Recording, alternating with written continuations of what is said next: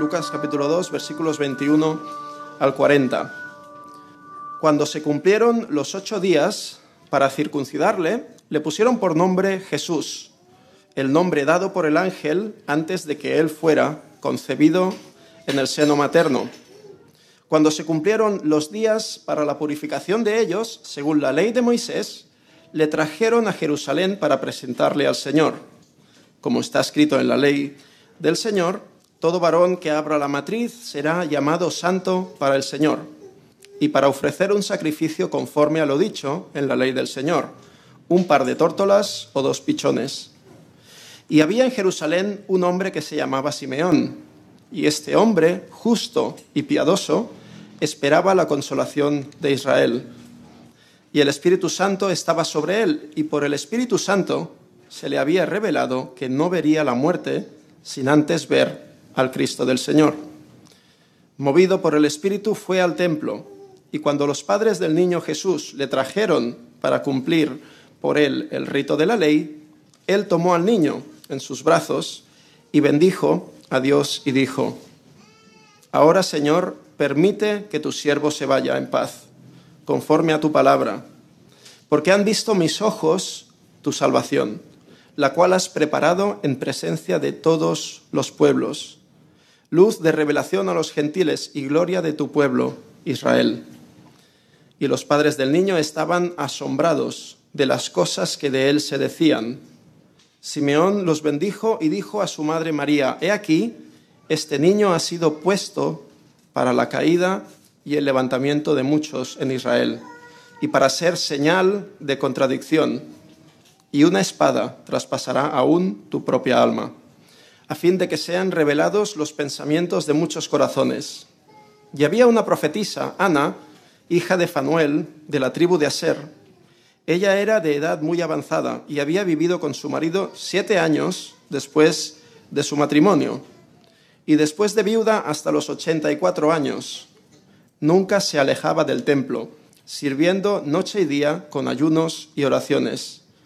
Y llegando ella en ese preciso momento, daba gracias a Dios y hablaba de él a todos los que esperaban la redención de Jerusalén.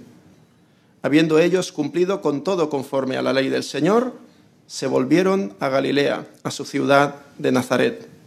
Y el niño crecía y se fortalecía, llenándose de sabiduría, y la gracia de Dios estaba sobre él. I benvingut al podcast de Ciutat Nova, una església protestant al barri 22 arroba de Barcelona.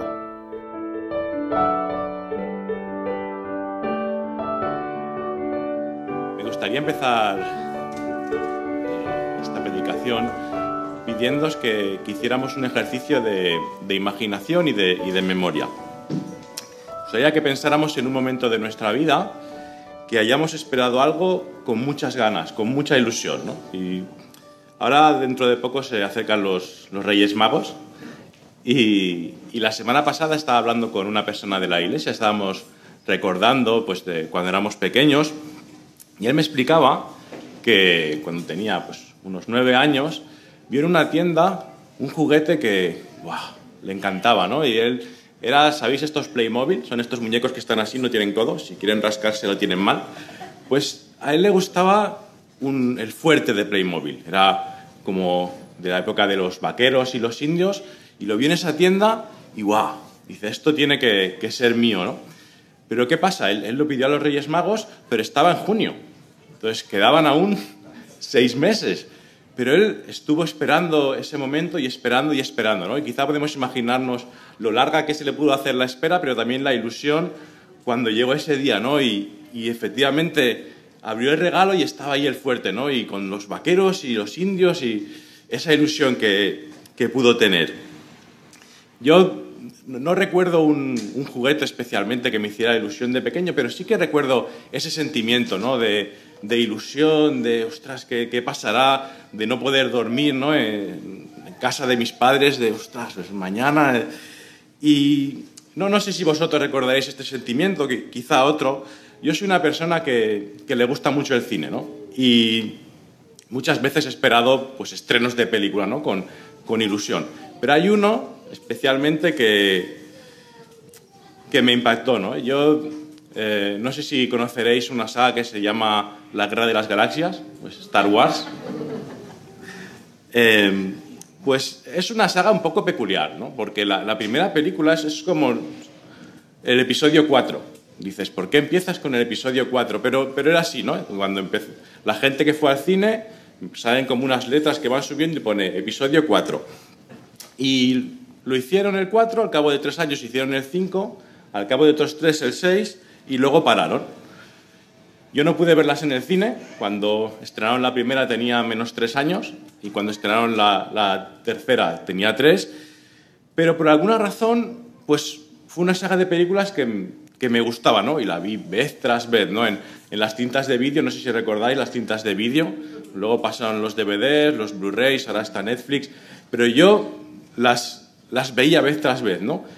Y, y había rumores de que era una saga de nueve películas, pero habían hecho la 4, la 5 y la 6 y, y de vez en cuando salía, ostras, van a hacer las que faltan, pero no salían.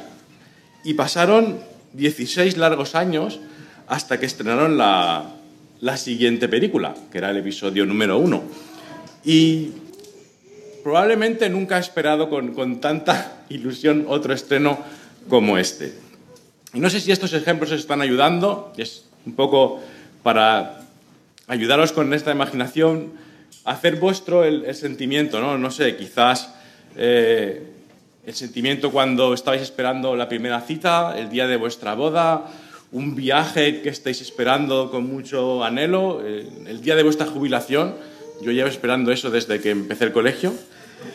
Y, pero bueno, sim, simplemente, cada uno de vosotros me gustaría que, que conservarais est, este sentimiento de ilusión y esperanza en vuestra mente y, volveremos más tarde con, ello. ¿no? En la historia que hemos leído, vemos a un hombre, Simeón, que esperaba algo también con, con mucha ilusión. ¿no? Y yo distingo como tres actos en el texto.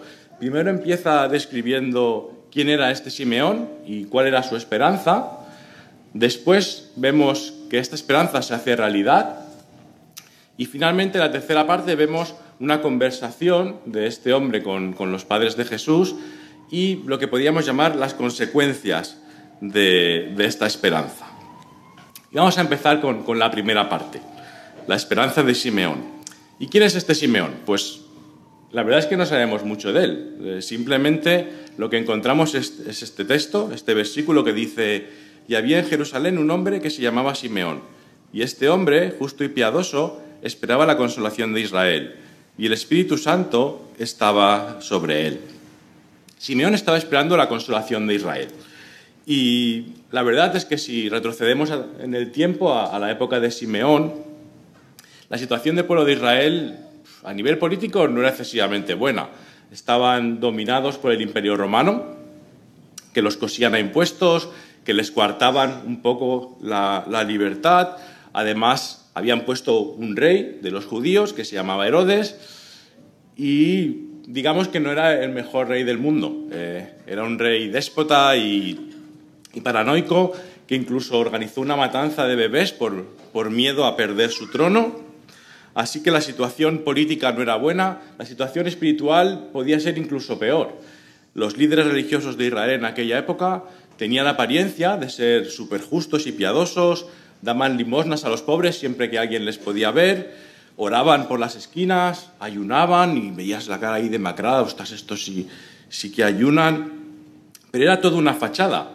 Habían creado cientos de mini normas eh, a partir de la ley de Dios para tener claro lo que se podía y lo que no se podía hacer, seguían esas normas a rajatabla, pero estaban llenos de orgullo y les faltaba misericordia. Y además, el templo de Dios, donde la gente tenía que ir ahí a ofrecer sacrificios, pues se había convertido en, en un negocio. Había unos ahí que extorsionaban prácticamente a la gente que iba a ofrecer ofrendas, así que la situación, digamos que podía ser mejorable. Hacía falta un Salvador. Pero ¿qué pasa? Habían pasado ya 700 o más de 700 años desde que el profeta Isaías había dicho que vendría un Salvador. Yo, para mí se me hacían largo los 16 años esperando la, la, película de Star Wars, pero 700 años. Y podían empezar a surgir dudas, ¿no? ¿Se acordaría Dios de, la promesa? ¿Habríamos interpretado bien la, profecía? ¿Era eso lo que quería decir eh, Isaías en aquel momento? ¿Era la palabra de Isaías infalible? Y todas estas preguntas quizás rondaban las, las, mentes de los israelitas de aquella época, pero en medio de todos ellos encontramos a Simeón. Y dice, y este hombre justo y piadoso esperaba la consolación de Israel. Y yo no sé vosotros, quizá podamos encontrarnos en una situación parecida. Es cierto que el Mesías en este caso ya ha venido, pero seguimos esperando. Él vino, eh, Él murió en la cruz, en un sentido la salvación ya está hecha, pero en otro sentido seguimos esperando. Él prometió que volvería. ¿Y cuánto hace de eso? Dos mil años. Y si miramos a nuestro alrededor, pues vemos violencia, vemos desastres naturales, enfermedades, vemos dolor. A nivel espiritual, pues no creo que estemos mejor eh, que en Israel, ¿no? Eh, la sociedad se está alejando aquí en Europa cada vez más de Dios, a nivel moral, pues cada vez más alejados de lo que Dios dice. Somos una minoría aquí los que creemos en Dios, no vemos que se convierta gente cada día, la esperanza puede flaquear, ¿no? Pero en medio de todo esto, pues encontramos este testimonio de, Simeón, que esperaba la consolación de Israel.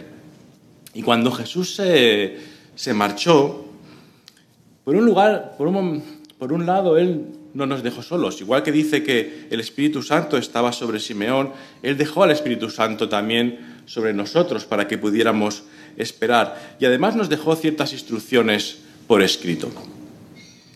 A diferencia de Simeón, Él no nos, no nos dijo cuándo iba a volver. De hecho, fue justo lo contrario. ¿no? Jesús dijo, pero de aquel día y hora nadie sabe, ni siquiera los ángeles del cielo, ni el Hijo, sino solo el Padre.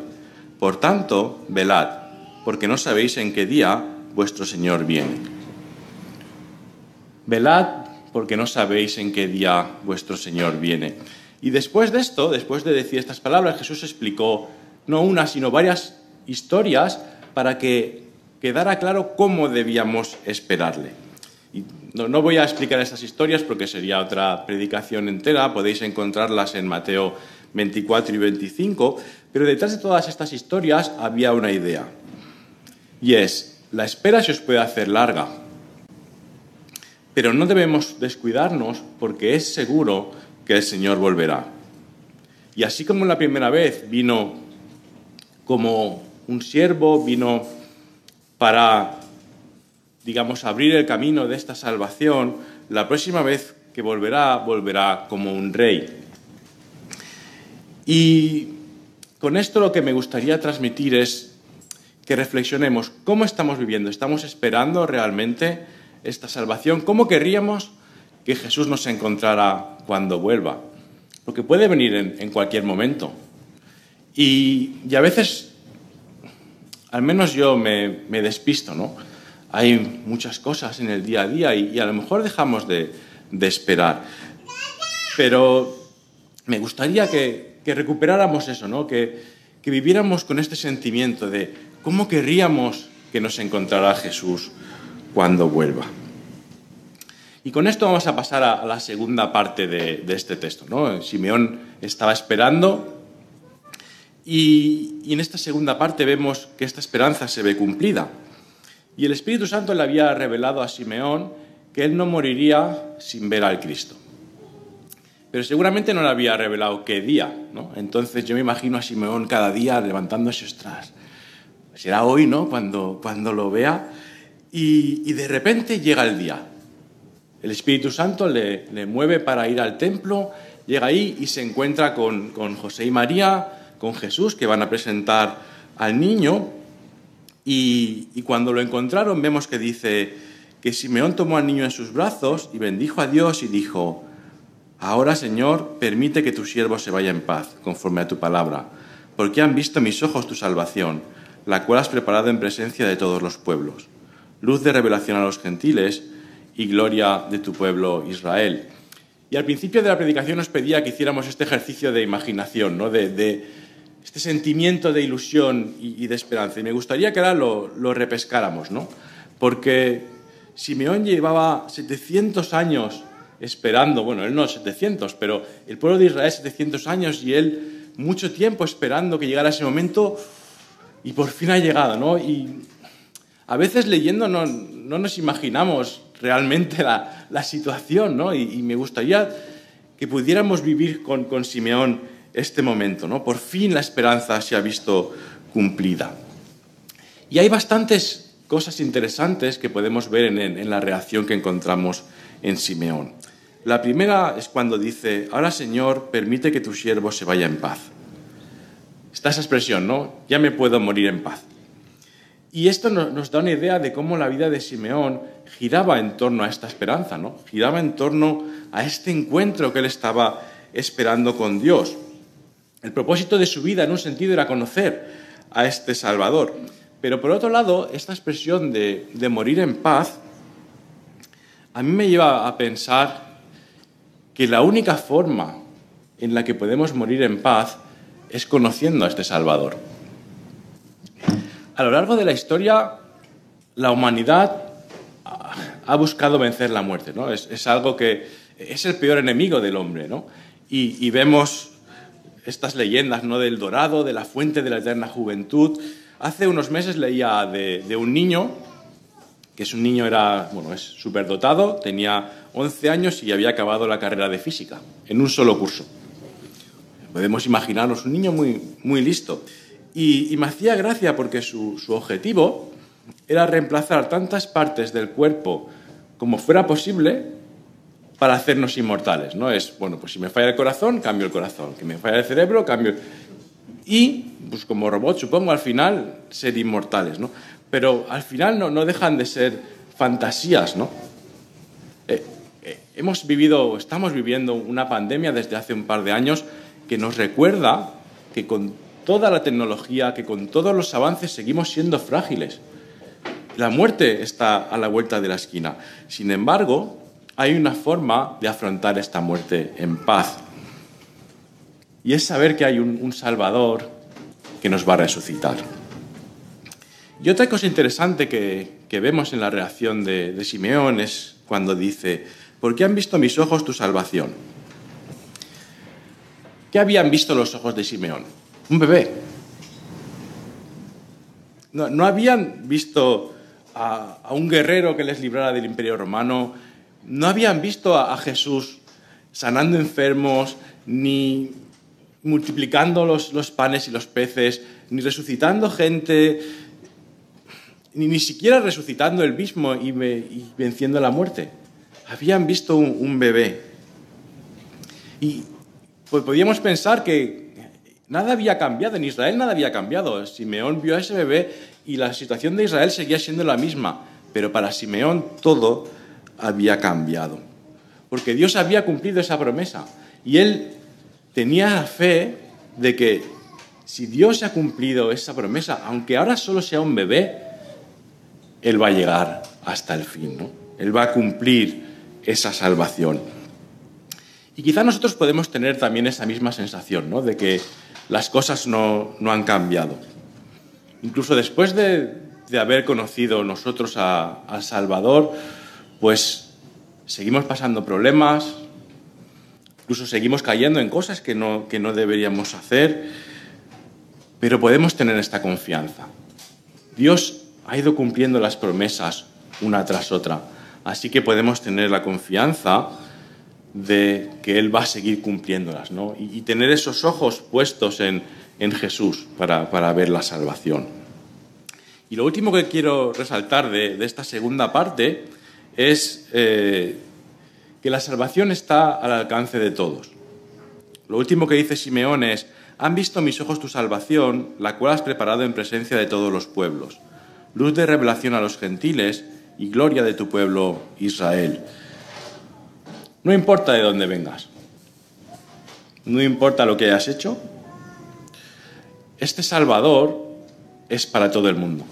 Es un Salvador que va a todas las naciones.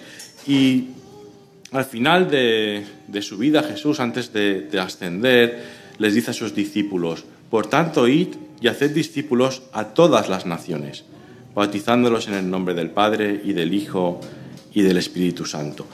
Y esto es lo que hicieron. El cristianismo empezó en Israel, se difundió por Siria, llegó a Grecia y a Turquía, a partir de ahí a toda Europa, y hoy lo encontramos en todo el mundo, incluso en sitios en los que ser cristiano representa la muerte, ¿no? Así que da igual, da igual de dónde vengamos, la salvación es, es para todo el que quiera ser salvo. Y por fin entramos en la última parte del texto, ¿no? en, la conversación que tiene Simeón con, con, María. Y lo primero que vemos aquí es la reacción de, de José y María cuando se encuentran con Simeón y Simeón les dice estas palabras.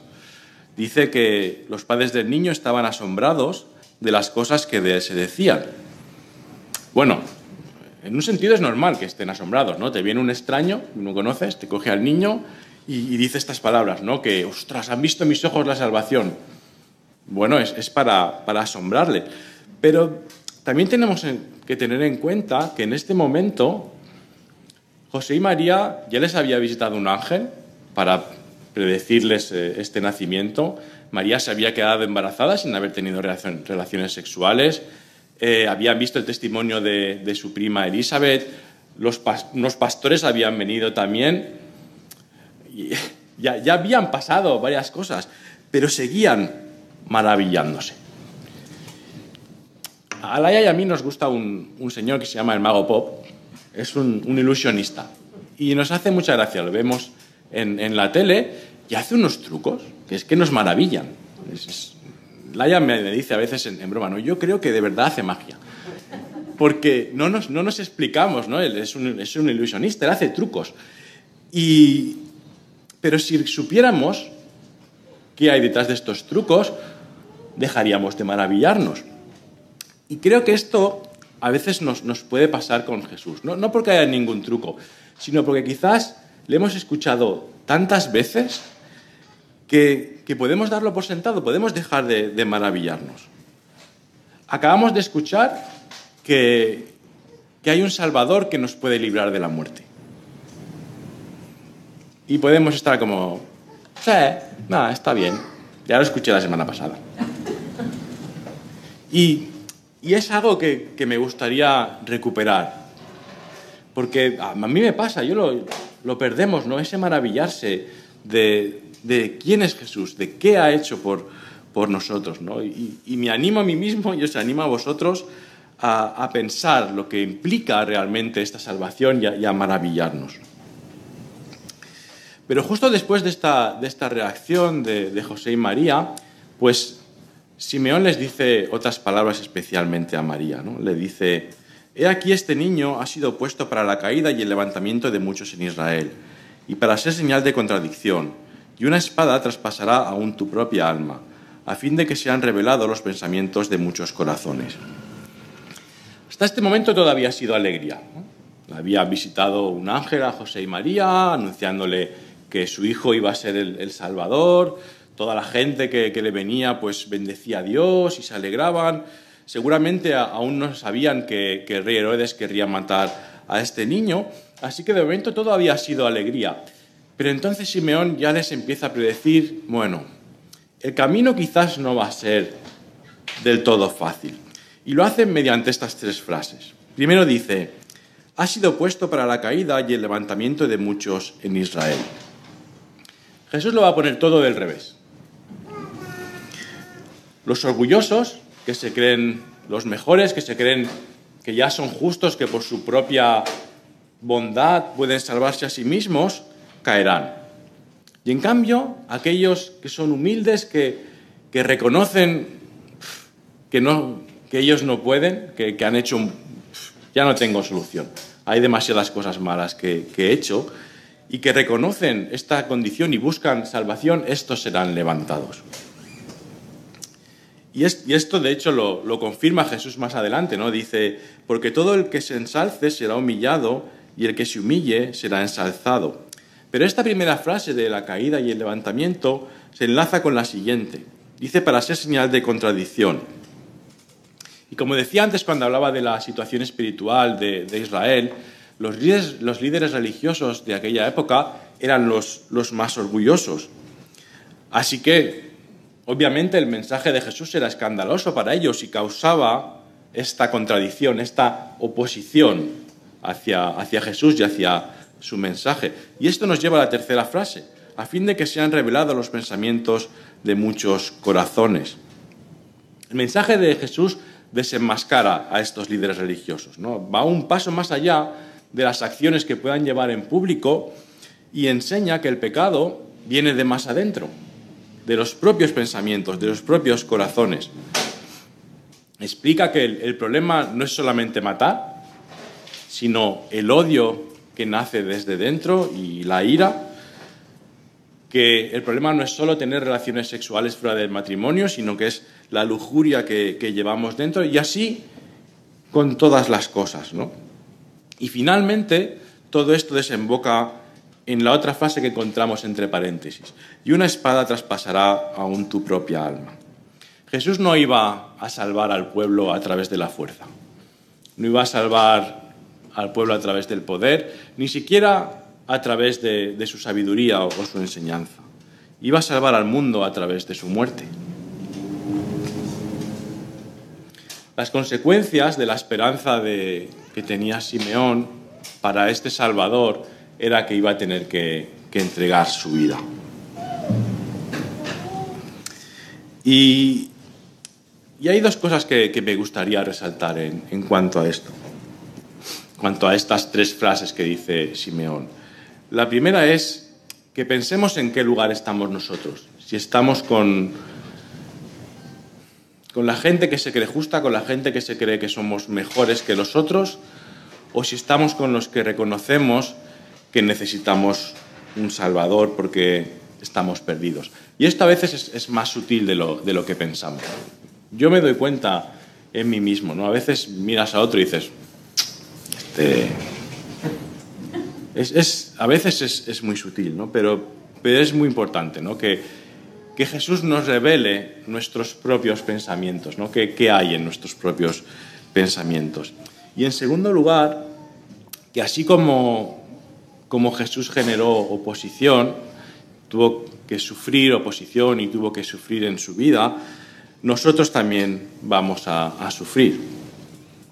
Jesús te garantiza esperanza, te garantiza salvación, te garantiza que va a estar contigo pase lo que pase, pero no te garantiza que el camino vaya a ser fácil.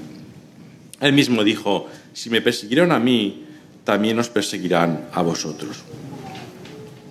Si alguien te dice que creyendo en Jesús todo te va a ir de fábula, que no vas a tener ningún problema, si tienes suficiente fe, no vas a tener ningún problema, esto no es lo que decía Jesús. Así que, igual que, que Dios preparó a María para este camino de sufrimiento a través de estas palabras de Simeón, también que nos, que nos preparemos nosotros, ¿no? que, que, seamos conscientes de, de, este camino.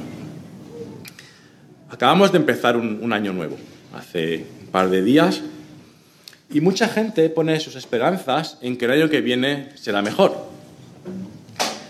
Uno de los mensajes que recibí esta noche vieja era, que me hizo un poco de gracia, que las mascarillas vuelvan a ser crema para el pelo, las olas o las del mar, los test de embarazo, los positivos, gente optimista, y las burbujas de champán. Por favor y gracias 2022. Eh, eh, estamos pidiendo algo ¿no? al 2022 como si el 2022 pudiera hacer algo. ¿no? Y, y empezaba la predicación preguntando, ¿cómo vamos de esperanza? Y, no sé cómo vais de esperanza cada uno de vosotros, no, no lo sé. Quizás esta pandemia nos ha mermado la esperanza, quizá hayamos pasado problemas de salud, quizá estemos pasando problemas económicos, quizá no levantemos la cabeza a nivel sentimental, o quizá estamos bien, quizá podemos tener la esperanza en que todo siga hasta ahora, ¿no? Hace unas semanas escuchaba, bueno, veía en la televisión una entrevista a un jugador de, fútbol del, Barça que parece que lo tiene todo.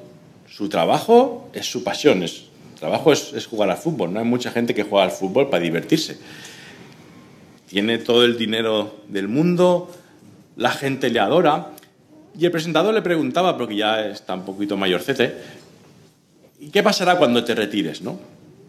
Y él reconocía que la mayoría de futbolistas no están preparados para ese momento. De hecho, hay una estadística que dice que el 70% de los deportistas, en cinco años desde que se retiran, están arruinados. Así que, ¿en dónde ponemos nuestra esperanza? Ya sea que, no tengamos esperanza porque estemos hechos polvo o que la tengamos en otro sitio, el mensaje que, que creo que este texto quiere transmitir esta mañana es que hay esperanza. Pero solo hay un lugar seguro donde poner la esperanza. Y este lugar en realidad es una persona y se llama Jesús. Y como decía antes, esto no, quiere decir que no vayamos a pasar momentos difíciles, que no, va, que no vaya a haber dolor. El mismo Jesús lloró en una situación, pero sí que quiere decir que pase lo que pase, Dios nos va a salvar. Así que podemos vivir confiados en que Él cumple sus promesas, porque ya las ha cumplido hasta ahora podemos vivir confiados de que Él vino a este mundo y sufrió más de lo que sufriremos nosotros hasta la misma muerte para garantizarnos esa salvación, que en cualquier momento puede volver, pero que incluso si no vuelve antes de que muramos, vamos a estar con Él y que podemos afrontar esa muerte con completa paz.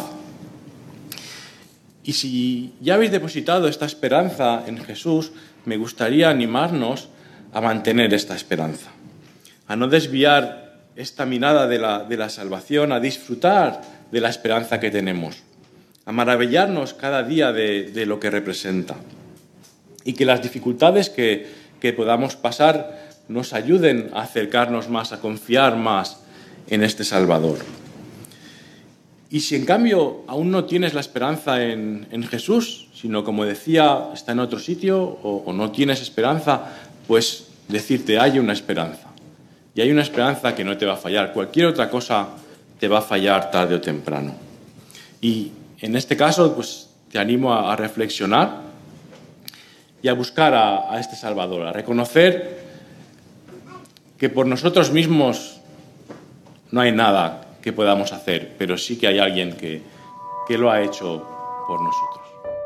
Gràcies per escoltar aquesta predicació. Si tens preguntes respecte al seu contingut o vols tenir una conversa sobre l'Evangeli, no dubtis en contactar-nos. El nostre correu electrònic és info arroba cn22.org.